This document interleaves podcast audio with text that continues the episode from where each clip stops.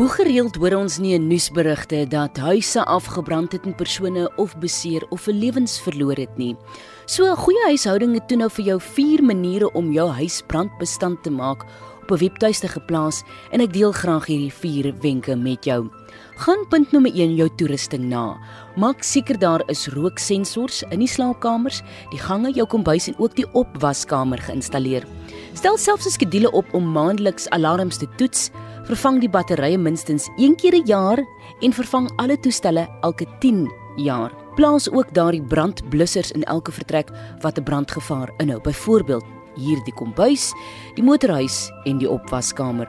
Vervang dit ook elke 5 jaar. Hier praat ek van die brandblussers. Trek jou slaapkamer deur toe.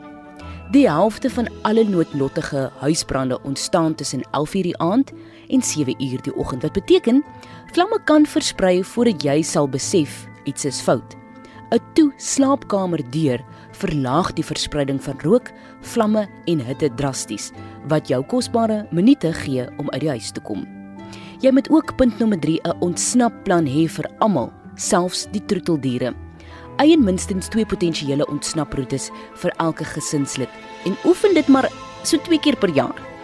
As jy kinders het, maak seker hulle herken die alarm en weet hoe om uit die huis te kom sou jy nie by hulle kon uitkom nie. En moenie terug binne toe gaan nie. Jy kan moontlik rook inasem en dit is nie die risiko werd nie. Die beste wat jy kan doen is om vir die nooddienste te wag en vir hulle te sê indien daar nog iemand in die huis is. Dit dan 'n paar maniere om jou huis brandbestand te maak. Kyk gerus verder rond in jou huis wat anders jy kan implementeer om die huis brandbestand te maak.